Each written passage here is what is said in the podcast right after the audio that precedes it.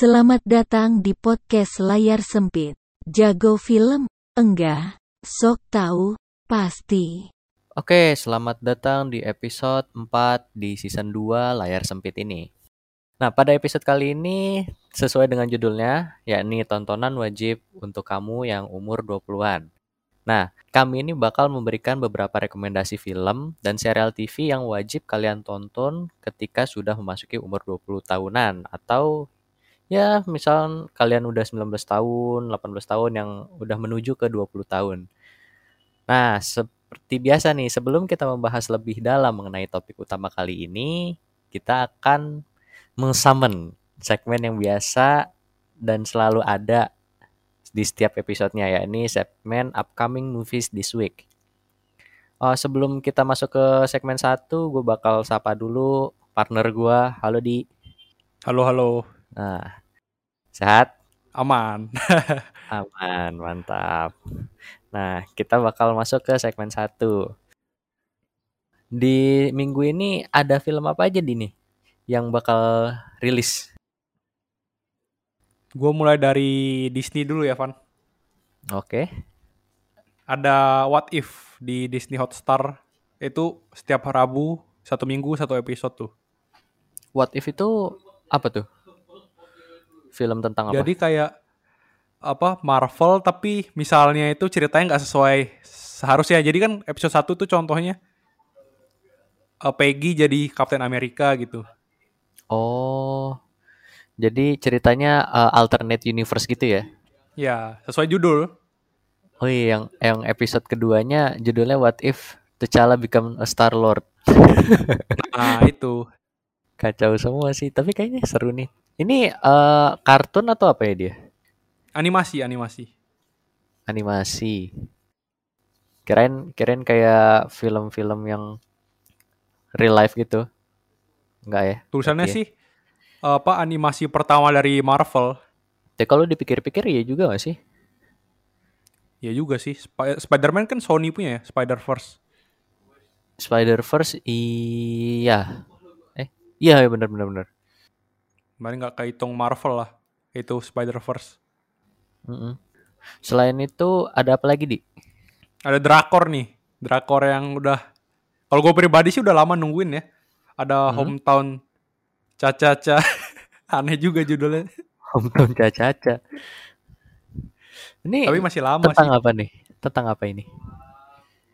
Sebenarnya tentangnya itu kayak ada dokter pindah ke kota dekat pelabuhan, kota kecil lah gitu. Mhm.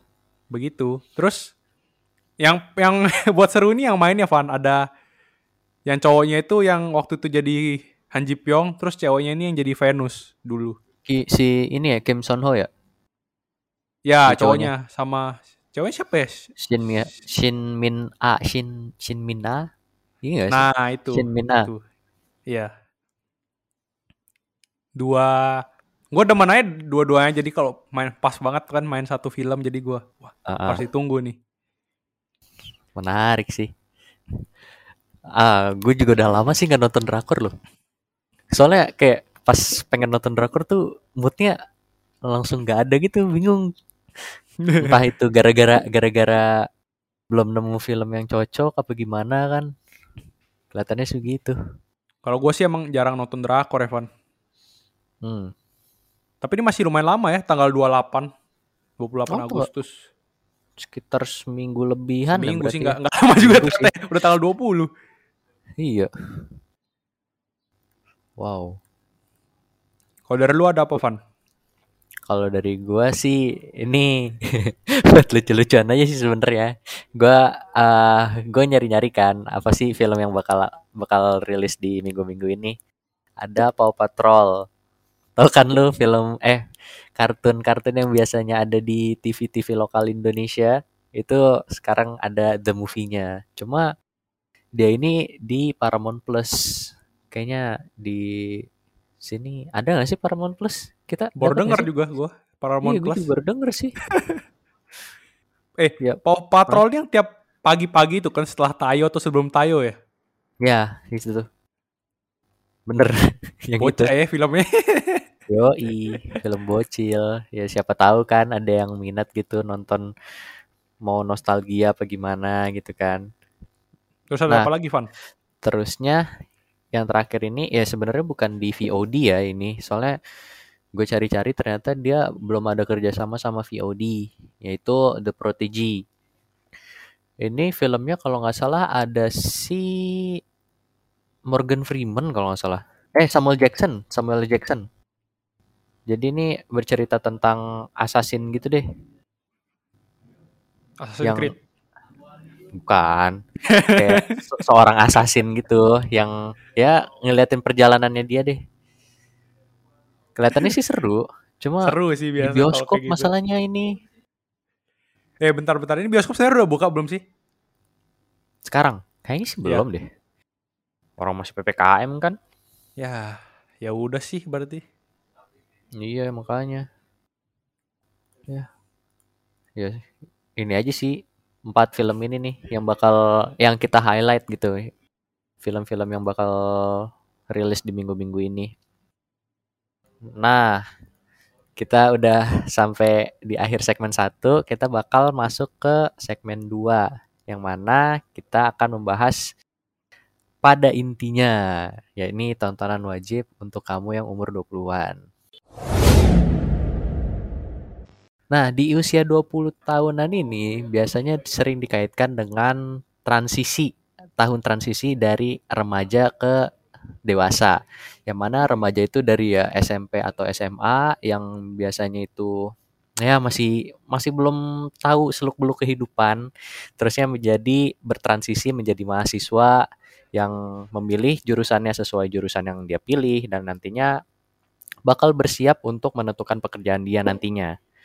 Nah, ketika masuk ke kepala dua, biasanya itu seorang manusia sering dilanda berbagai pertanyaan-pertanyaan tentang cinta, pendidikan, karir, dan untuk yang bakal segera masuk ke 20 mungkin bakal banyak bertanya, jurusan yang dia ambil tuh cocok nggak sih buat dia, tepat nggak sih? Dan untuk yang 20 tahunan awal mungkin pada bingung, nanti pas gue lulus bakal ngapain ya gue nih? Apa gue bakal bikin bisnis, mau mau traveling dulu, mau ngapain dulu, mau nikah, apa segala macam gitu kan. Nah, tapi pas udah naik ke 25 tahun ke atas dan saat itu dia udah punya pekerjaan yang baik, terusnya mungkin aja udah punya pasangan dan itu lebih complicated lagi permasalahan-permasalahannya. Nah, masuk ke film, memang esensi dari film itu adalah menciptakan sebuah fantasi. Sebenarnya semua genre gitu itu menciptakan sebuah fantasi ya kecuali genre dokumenter murni ya karena ya itu cuma rekaman-rekaman beneran dokumenter aja di mana semuanya itu mostly berakhir dengan indah. Yang mana tidak selalu bisa kita rasakan di dunia yang yang sangat kejam ya dia bisa dibilang ya Kejam memang. Keras. tapi ada beberapa film yang mampu memberikan pelajaran hidup penting sebagai bekal kita dalam menghadapi berbagai tantangan ke depannya. Nah, pembelajarannya itu kayak mengenai pendidikan, karir, hingga percintaan adalah yang utama dari film-film yang telah kami rangkum ini untuk pendengar sekalian. Kami, Layar Sempit, aka gua dan Andi, masing-masing bakal memberikan beberapa nama film ataupun TV series yang wajib kalian tonton. Sebelum kita masuk ke listnya, disclaimer dulu nih kita. Jadi semua rekomendasi film dan TV series ini itu berdasarkan pure opini pribadi kami. Jadi kalau ada yang nggak cocok atau gimana, ya ini berdasarkan opini pribadi kami aja gitu. Nah kita langsung masuk nih ya ke film yang pertama. Itu mulai dari dari lu dulu ya dia. Oke. Nah, kalau dari lu film apa nih Di yang cocok buat ditonton ketika lu udah masuk umur 20 atau menjelang 20 tahun? Gue sebenarnya udah siapin banyak sih, Van. Tapi kasih honorable mention dulu yang bagus cuma nggak kesampaian masuk list gue. Waduh. Ada dua drakor nih, dra- drakor yang rilis tahun lalu. Startup sama Itaewon Class. Dua-dua yang ngajar apa bercerita tentang karir lah intinya kan. Dua-duanya satunya lebih ke startup yang teknologi, software gitu-gitu. Satunya lebih ke yang lebih Makanan. tradisional lah, F&B. Ya. Cuma eh gue mulai dari startup dulu deh. Sebenarnya premis awalnya tuh udah bagus ya. Dia mau membawa konsep startup ini, maksudnya startup Ya, Apa, yang baru-baru sekarang ini kan ya kayak mulai booming. mulai banyak anak-anak muda sekarang kan mau ngapain habis lulus mau buat startup nih atau enggak join startup dan sebagainya. Nah cuma terlalu baik drama di filmnya menurut gua itu yang sayang. eh bukan film series ya drakor Heeh. terlalu banyak drama-drama ini jadi menutupi potensi filmnya sebenarnya bisa bagus itu Van. Jadi sebenarnya makna-makna di filmnya tuh banyak bagus-bagus, tapi gara-gara banyak dramanya jadi kurang gitu. Sebenarnya nggak apa-apa sih kalau drama tentang karirnya ya. Cuma lebih baik drama tentang cinta-cintaannya kan ujung-ujungnya juga. Oh iya sih, yang lebih di highlight itu ya cinta-cintaan antara tiga orang itu kan. Ya itu. Nah kalau Itaewon Class mungkin nggak terlalu relate ya sama kita. Soalnya mana ada sih orang di sini tiba-tiba kerja berapa bertahun-tahun di kapal gitu terus balik buat usaha kan jarang banget ya yang kayak gitu. Hmm. Bener Ya sih. itu. Nah jadi tadi itu yang buat uh, Itaewon Class jadi kurang relate lah untuk masyarakat umur 20-an di Indonesia. Makanya gue cuma masukin ke honorable mention. Ah, I see, I see, I see, I see. Tapi sebenarnya kalau mau cari ilmu-ilmu, sedikit ilmu tentang bagaimana perjalanan seorang itu merintis bisnis, kayaknya cocok juga ya dia. Uh, lumayan, lumayan. Nah, sel- selain itu ada apa lagi nih, Di? Yang jadi list lu? Gue ada honorable mention lagi nih. Jadi ada lumayan banyak ya honorable mention. Gokil. Sengit juga nih gue liat-liat nih. Sengit lah. yang Apa apa honorable mention kedua, set kedua gue ada The Big Short atau The Wolf of Wall Street. Jadi ya tipikal gitulah lu kalau lihat dari judulnya udah tahu kan model-model Wall Street, model-model Amerika gitu, ekonomi Amerika, keuangan Amerika. Mm-mm. Tapi gue lebih prefer kalian nontonnya itu The Big Short sih, karena itu menceritakan yang lebih real aja. Gue lebih suka lebih real daripada lebih banyak dramanya. The Big Short itu yang tentang sama juga kan, mirip-mirip. Oh, The Big Short ini lebih ini Van, lebih kayak menceritakan kejadian yang yang krisis ekonomi 2008 kan dari Mm-mm.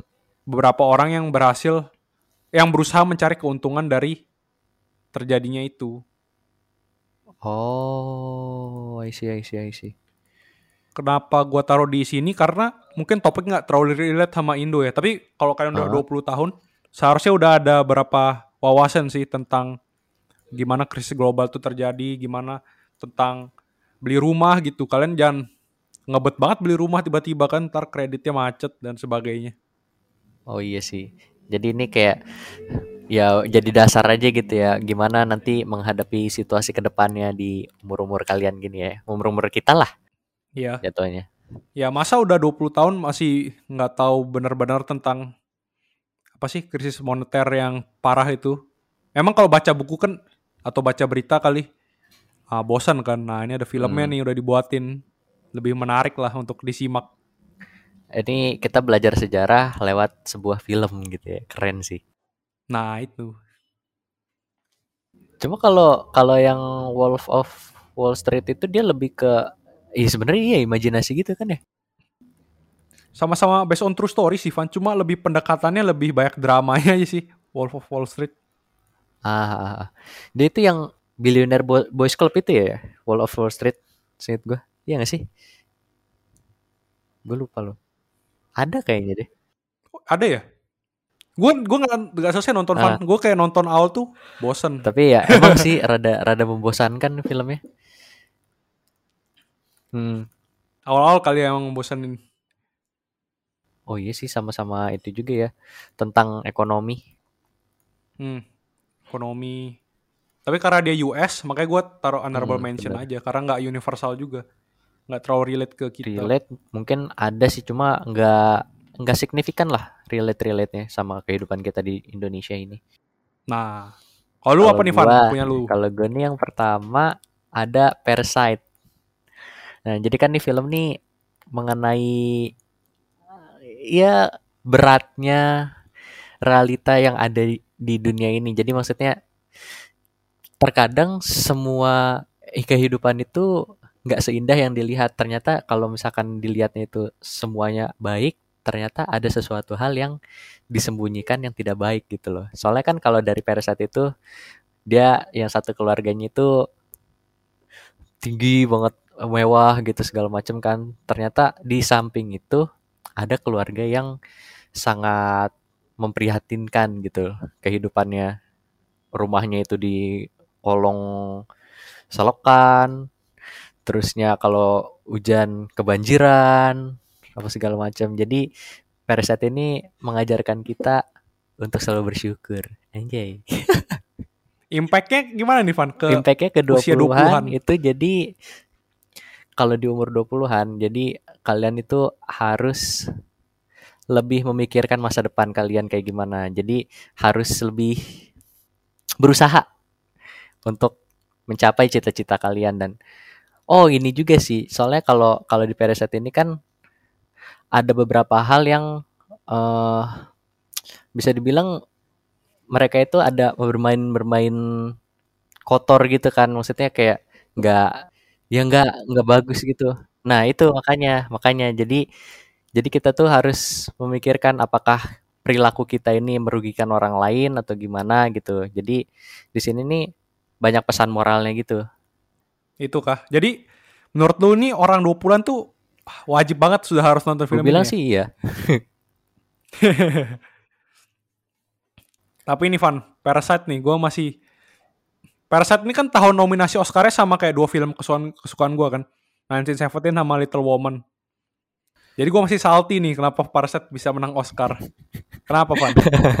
Kok gitu menurut gua soalnya ini sih gara-gara ini film kan nggak nggak langsung dari Eropa atau yang lain-lain gitu kan nih ini film film Thailand gitu yang notabene itu biasanya Bukan jalan Korea Van.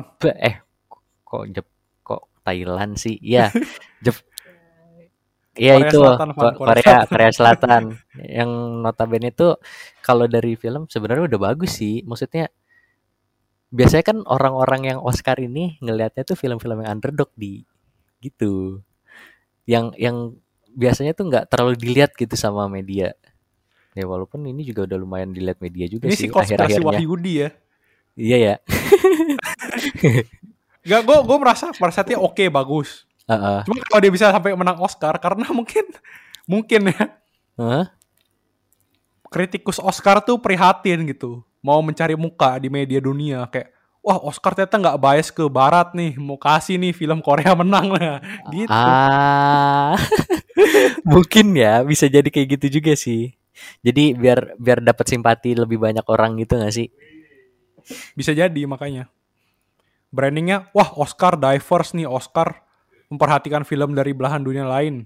Gitu-gitu. Ya nggak tahu sih gua kalau kalau dari penilaian mereka kayak gimana ya ya itu hanya mereka dan Tuhan yang tahu lah. Kayak kita kan Hmm. hanya penonton saja. Tapi, Tapi, kalau gue bilang sih, ah, kenapa? Setiap gue tanya misalnya ada orang nih suka nonton Parasite. Kenapa kenapa lu suka gitu gue tanya. Masa Ya. jawabannya cuma plot twist anjay. Banyak juga film lain yang plot twist lebih bagus. Plot twist ya bisa jadi salah satu yang menjual sih, tapi hmm, ya iya juga sih. Kayak kayak gue belum dapet aja gitu yang buat dia bisa jadi pemenang Oscar. Kita kita kayaknya harus ini sih di mencari tahu indikator penilaian Oscar tuh apaan aja. Bisa bisa bisa kalau mau ya biar Biar lebih jelas gitu Oscar. kan. Iya. Heeh. ini kenapa nih bisa bisa menang nih film nih? Ada apa nih gitu kan. Hmm. Nah, langsung balik ke lu lagi dia filmnya. Ada film apa lagi nih, Di? Kalau lu. Eh, ini kan belum tuh yang yang tadi lu sebutin itu kan baru honorable honorable mention aja kan. Belum yang paling yang paling wow-nya gitu. Istilahnya Oh, kalau iya, dari benar, lo. benar. Ah, Ini yang pertama gue ada, gue menyeberang dulu nih ke TV series. Aha. Gue TV series ada dua nih. Ada berbau uang nih dua-duanya. Dirty Money sama Money Explain. Menurut gue penting banget nih film-film tentang uang ini supaya kita sebagai generasi muda itu tidak buta terhadap gimana sih cara dunia ini berjalan, terutama uang ya karena uang ini kan memang salah satu instrumen penting ya Ah, beraktivitas dalam dunia ekonomi. Jadi eh, baik Dirty Money, Dirty Money ini lebih jelasin kayak eh, gimana orang-orang curang itu, orang-orang culas bisa Culas. menghasilkan uang-uangnya dengan berbagai bentuk penipuan supaya kita tuh nggak terjerumus gitu ke perangkap yang sama ntar. Jadi kita udah keliat gitu ya pola-pola orang yang bermain dirty money itu kayak gimana ya. Jadi kita Ya. bisa menghindari. bisa menghindari. Nah, kalau Money Explain ini kita bisa mempelajari sistem keuangan yang sebenarnya kelihatannya legal kayak kartu kredit dan lain-lain. Cuma ternyata itu busuk juga, Van. Oh iya. Ya, jadi dia eh, jelasin dari awal kartu kredit, pinjaman, terus uang pensiun dan lengkap lah cycle-nya dari kecil sampai tua. Itu tentang uang semua udah jelasin. Menurut gua umur 20-an tuh udah udah wajib banget dah kalian itu nonton yang kayak beginian biar dapat ilmu lah sedikit. Jangan cuma nonton drama-drama ini romance. Kok kok gue tersindir gitu ya? Gak kan lu masih parasite, Van. Parasite oh kan. iya sih, masih masih oke lah ya. Iya. Masih berkaitan tentang isu-isu sosial, anjay. Iya, ada ada pesan tentang isu sosial itu Ah, sebenarnya oke juga. Tapi ya penting juga sih ini sebenarnya Eh, kalau udah 20-an kalau belum nonton langsung aja nonton ada di Netflix kita nggak disponsori tapi kalau boleh sangat menarik itu. nah itu Cuma di kalau Money Explain itu kan emang bener-bener menceritakan tentang ah enggak ini ini film eh seriesnya ini kayak konsepnya kayak dokumenter gitu atau gimana? ya deh semi semi dokumenter gitu Oh semi dokumenter. Berarti dia kayak ada narasinya, terusnya dia jelasin kayak gini gimana prosesnya gimana gimana kayak gitu kali ya? ada narasi terus dia ada interview orang-orang yang udah ahli lah dalam bidang keuangan Oh, Diseling-selingin. kayak biasa lah kayak dokumenter pada umumnya Oke, paham, gak paham. Ini menarik banget sih, gila. Ini Money Explain ini, yang dari dari yang lu jelasin aja, kayak ini nih sesuatu hal yang emang kita itu relate banget di kehidupan kita, mulai dari kita transaksi, apalagi kita kan sekarang ini lagi eh, COVID ya kan belum kelar-kelar nih. Jadi Hmm. suatu transaksi apa pun tuh kita lakukan dengan ya debit, kredit dan lain-lain gitu yang benar-benar melekat banget sama di hidup kita. Kalau kita nggak tahu seluk-beluknya kayak gimana, kayaknya sayang banget gitu loh. Iya udah waktunya lah kita membuka mata kan umur 20-an Mm-mm. balik lagi ke Lufan Balik Gimana ke gua Bang? lagi ya. Nah, gue nih bakal kasih satu film yang sudah bertengger bertahun-tahun di top leaderboardnya IMDb. Yang tidak lain dan tidak bukan Shawshank Redemption. sebenarnya nih film gimana ya Van kata gue terkenal terkenal nggak terkenal gitu Iya. Jadi kayak dibilang underdog enggak, tapi dibilang bagus iya juga, tapi orang-orang nggak banyak yang tahu. baik nggak banyak tahu gitu. ya Heeh. Parah sih.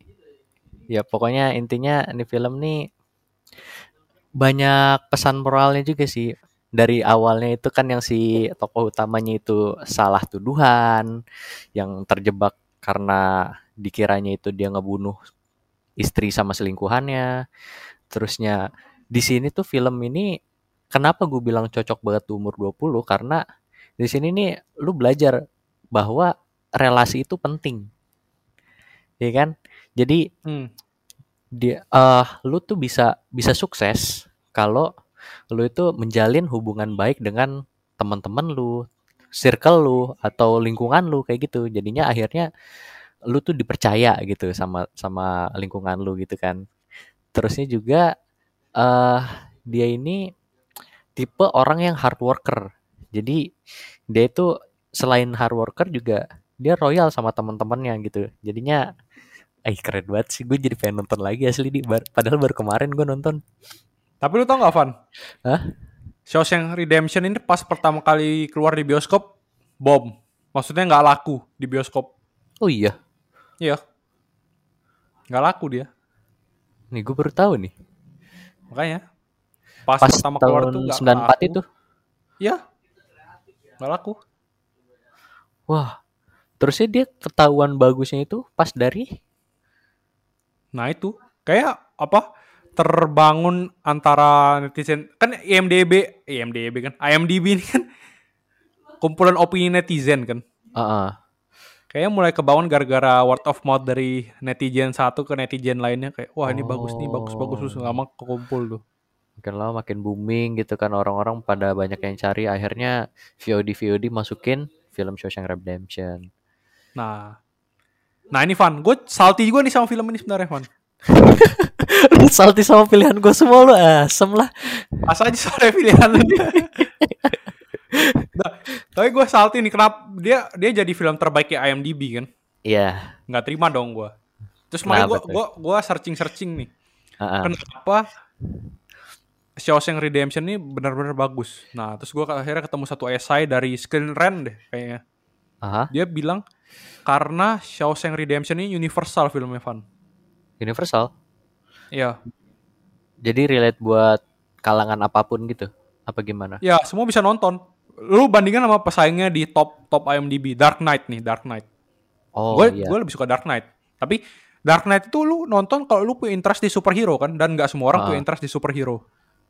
Iya, ya kan?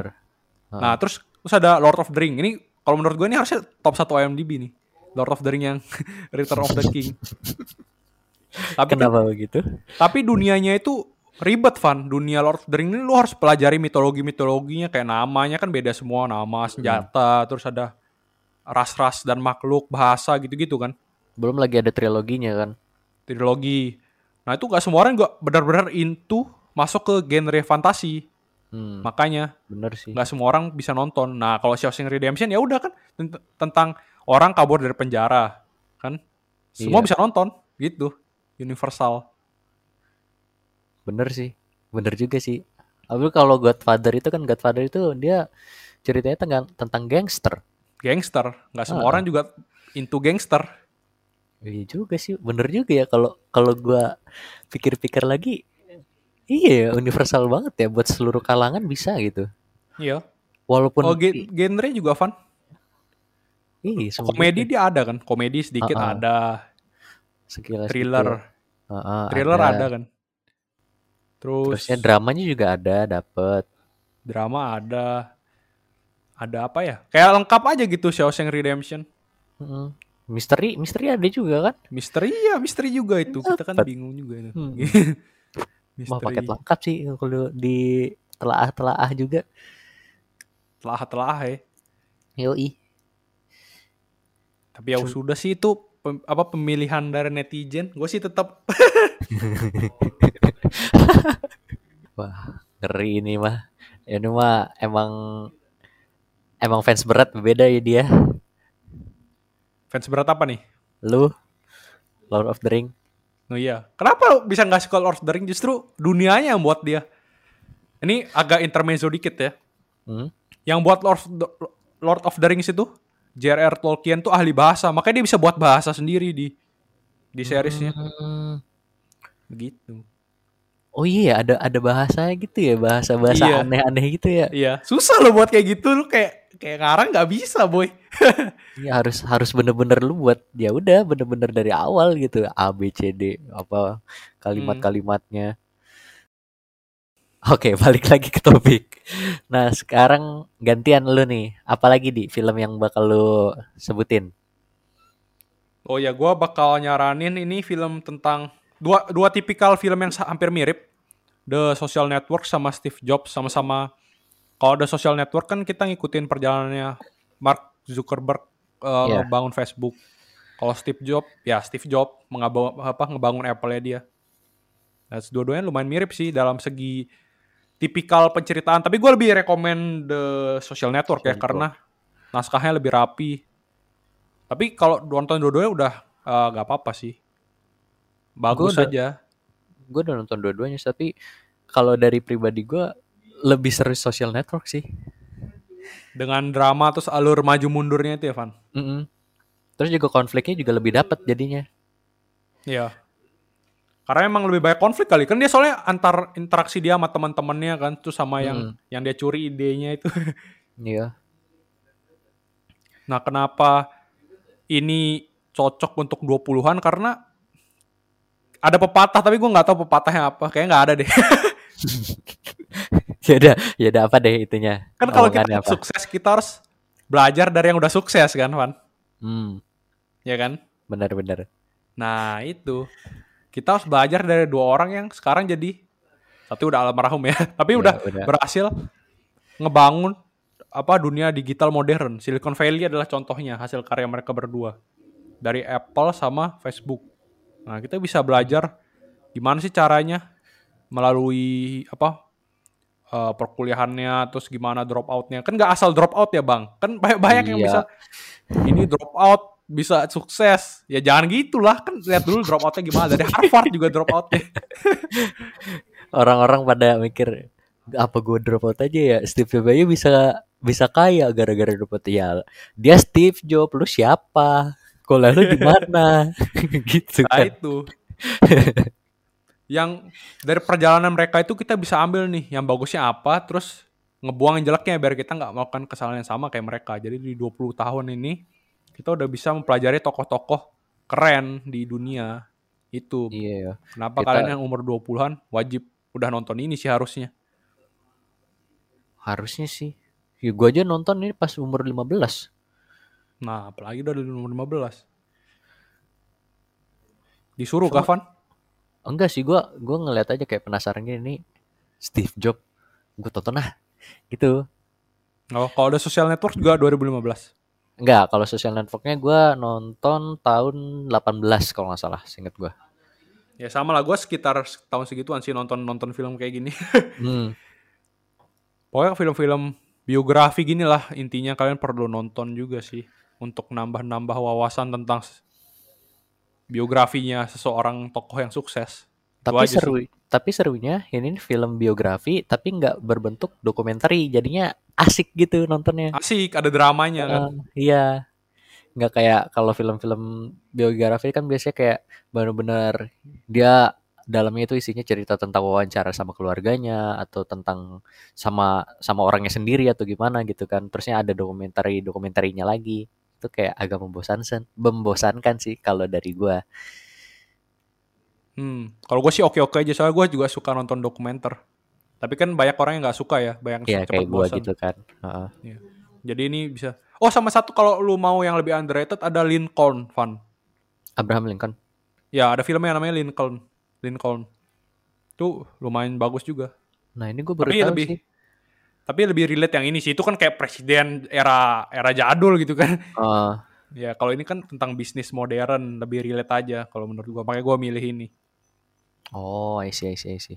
Kalau kalau Lincoln kan ya udah gitu. Kalau lu into American history, mungkin lu tertarik gitu kan. Ya.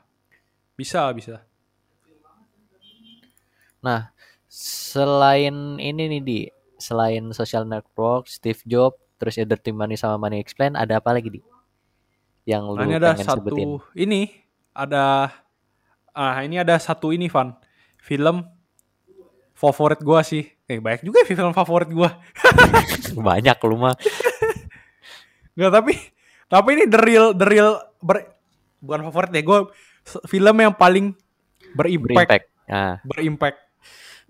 Three Idiots-nya India yang ori. emang ada yang remake kah? Banyak Van dibuat remake-remake-nya mah. Three Idiots ini kayak versi apa ya? Kanada kali ya? Amerika? Waduh. Pokoknya ada deh versi-versi lainnya, tapi kalian harus nonton yang versi ah, India bener-benernya. OG. Ya, OG, di OG. Tapi emang keren sih ini film. Dibanding film keren banget sih.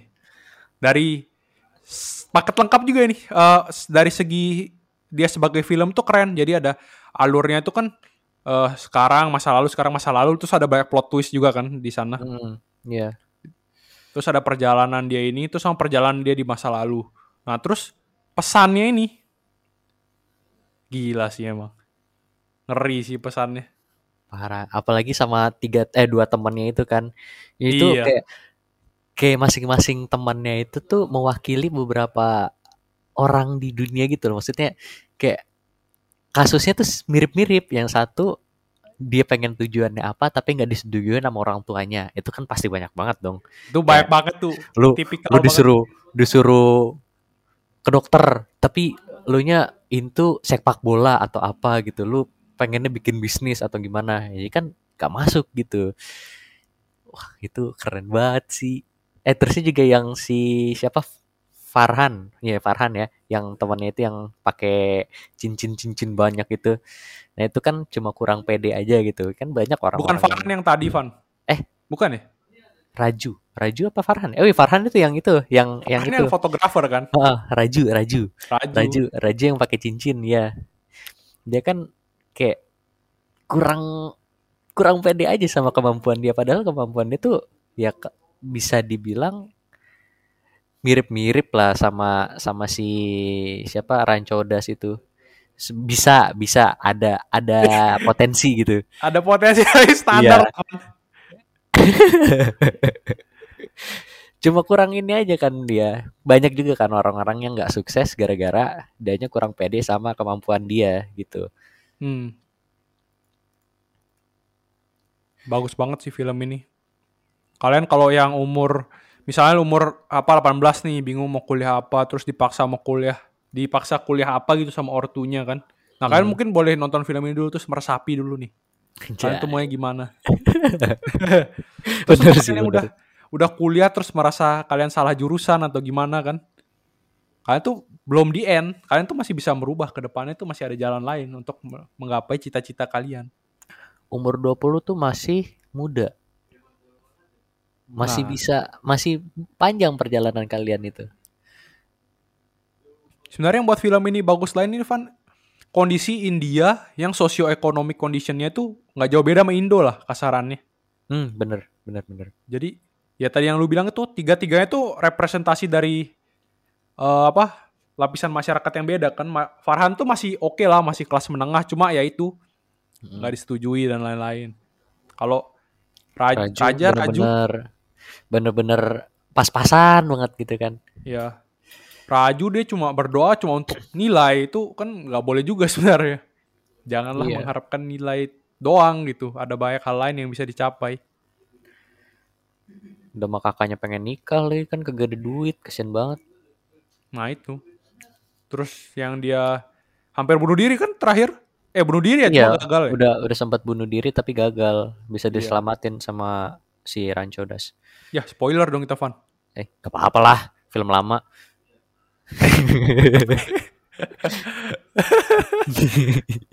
gak apa-apa Kalau- lah. Kalau kalian belum nonton sih aneh ya soalnya Three Idiots ini kayak sering ini deh di YouTube. Sering ada banyak cuplikan yang dia ah, roasting gurunya sendiri. Ya, virus. Enggak, bukan yang virus Van yang yang guru yang dia ditanya apa apa definisi dari ini terus dia yang definisinya Oh. dari buku Oh, yang gitu. Oh iya, iya, iya. yang yang Iya. di mesin itu kan. Iya yang mesin. Ah, ingat gue, ingat, ingat, ingat. Iya sih itu banyak juga sih. Nah itu juga pe- pembelajaran untuk kalian yang lihat temannya siapa namanya? Virus. Eh bukan virus. Siapa nama temannya yang satunya? Raju. Bukan yang so ambis, yang kayak rival gitu.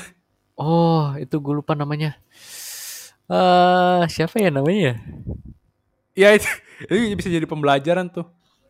Hmm, itu deh pokoknya namanya Catur, Catur. Ingat gue, Catur, Catur. ya. Kayaknya Catur. nickname-nya deh. Apa gitu. Si Stinky Pete apa gitu. Yang ya pokoknya yang gara-gara dia makan suplemen pete itu kan, jadinya bau gitu. Hmm. Endingnya juga keren sih ini film. Jadi udah lengkap aja filmnya selain pesannya udah keren. Endingnya plot twist sih. Ngeri sih endingnya. Gila sih. Punya banyak paten. Terus tiba-tiba dianya udah ngebangga-banggain gitu kan. Taunya Tahu dia sama ya. sama itu. Wah, gila. Di atas langit masih ada langit, Bos.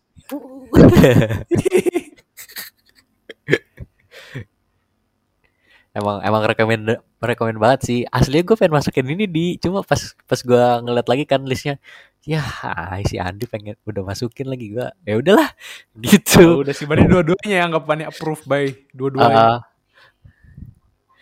emang keren sih ini Yoi. nah yang terakhir nih di ini kan ada satu film lagi nih lo apa tuh Oh ini sebenarnya kalau ada waktu lebih aja sih. Kalian kalau yang benar-benar punya jiwa entrepreneur gitu kan, startup gitu. Ini versi versi yang lebih keren. lengkap Ya. Ini ada serial Silicon Valley. Jadi dia nyeritain tentang itu. Eh, sekelompok anak muda yang berusaha survive di Silicon Valley. Terus ngejalanin apa perusahaan startup gitu, software, apa komputer gitu.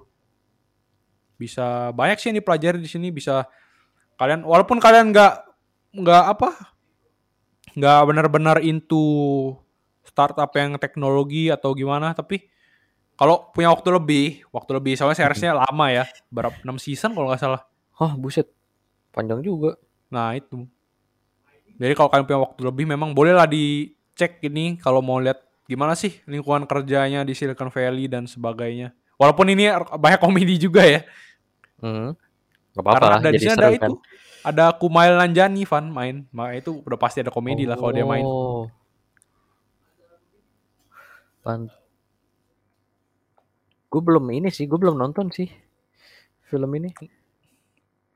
Kalau ada waktu lebih aja kan ini apa? Panjang banget filmnya, eh seriesnya. Kumel, oh Kumel, oh iya iya, gue inget gue inget gue inget. Iya kan yang biasa ngelawak. Iya. kalau ada dia udah pasti lucu sudah filmnya. Eh, untuk closing nih di, kalau lu disuruh pilih satu film yang paling wajib ditonton untuk umur 20 tahunan, lu bakal pilih film apa di? Pilihan susah sih Van. Ini wajibnya dalam hal impact atau dalam hal kekerenan film sekaligus gimana nih? Yang paling berimpact ke kehidupan. Paling berimpact ke kehidupan ya. Hmm. Kayaknya dari dari pesan disampaikan Three Idiots nggak ada lawan sih. Three Idiots ya. Ya. Emang sih. Gak salah juga sih sebenarnya. Three Idiots nih emang the best banget dah.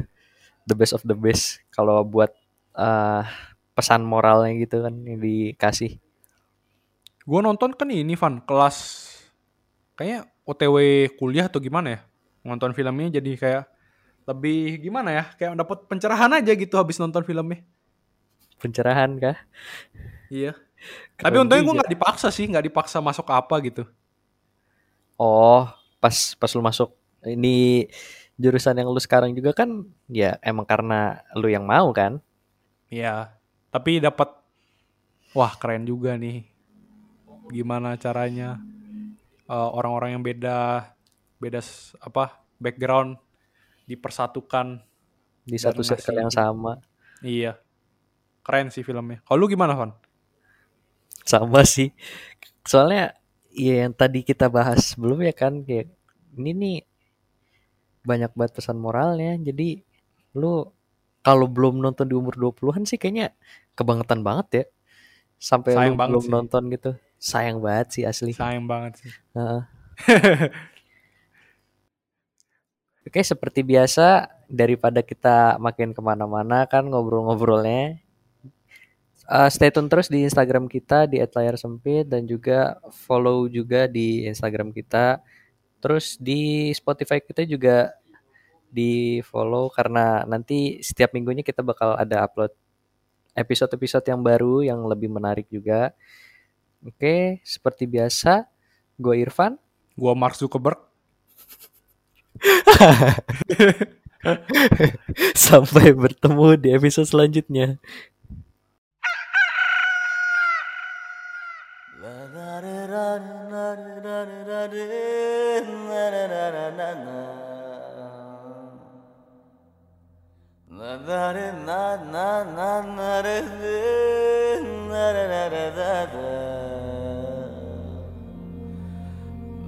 Narın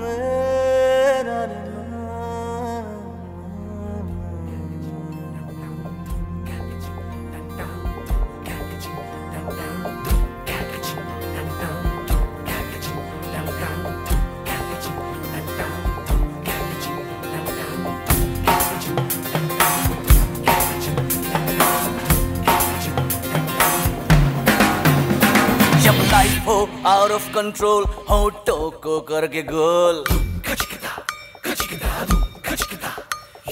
होठों को करके गोल, सीटे बजा के बोल। लाइफ हो out of control होठों को करके गोल। होठों को करके गोल, सीटे बजा के बोल। मुर्गी क्या जाने, अंडे का क्या होगा? अरे लाइफ मिलेगी या तवे पे फ्राई होगा? कोई ना जाने अपना फ्यूचर क्या होगा? होट घुमा, सीढ़ी बजा सीढ़ी बजा के बोल, भैया अरे भैया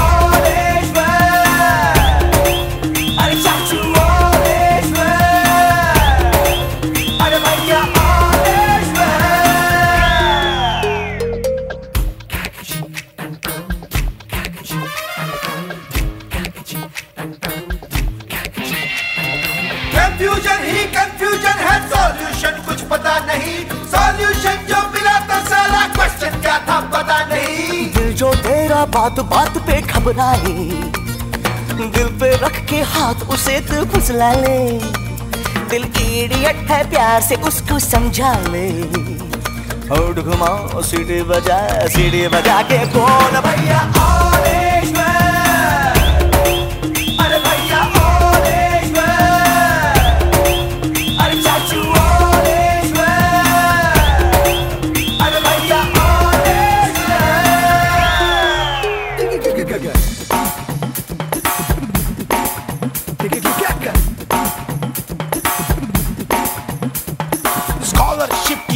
की पी गया दारू, गम तो फिर भी मिटा नहीं।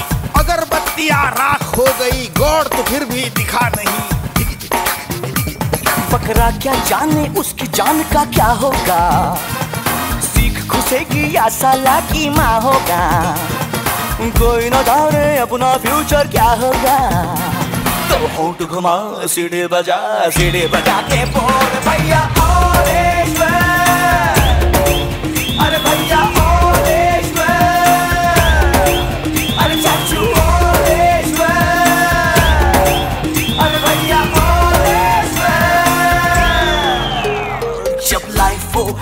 ऑफ़ कंट्रोल तो होटो को करके गो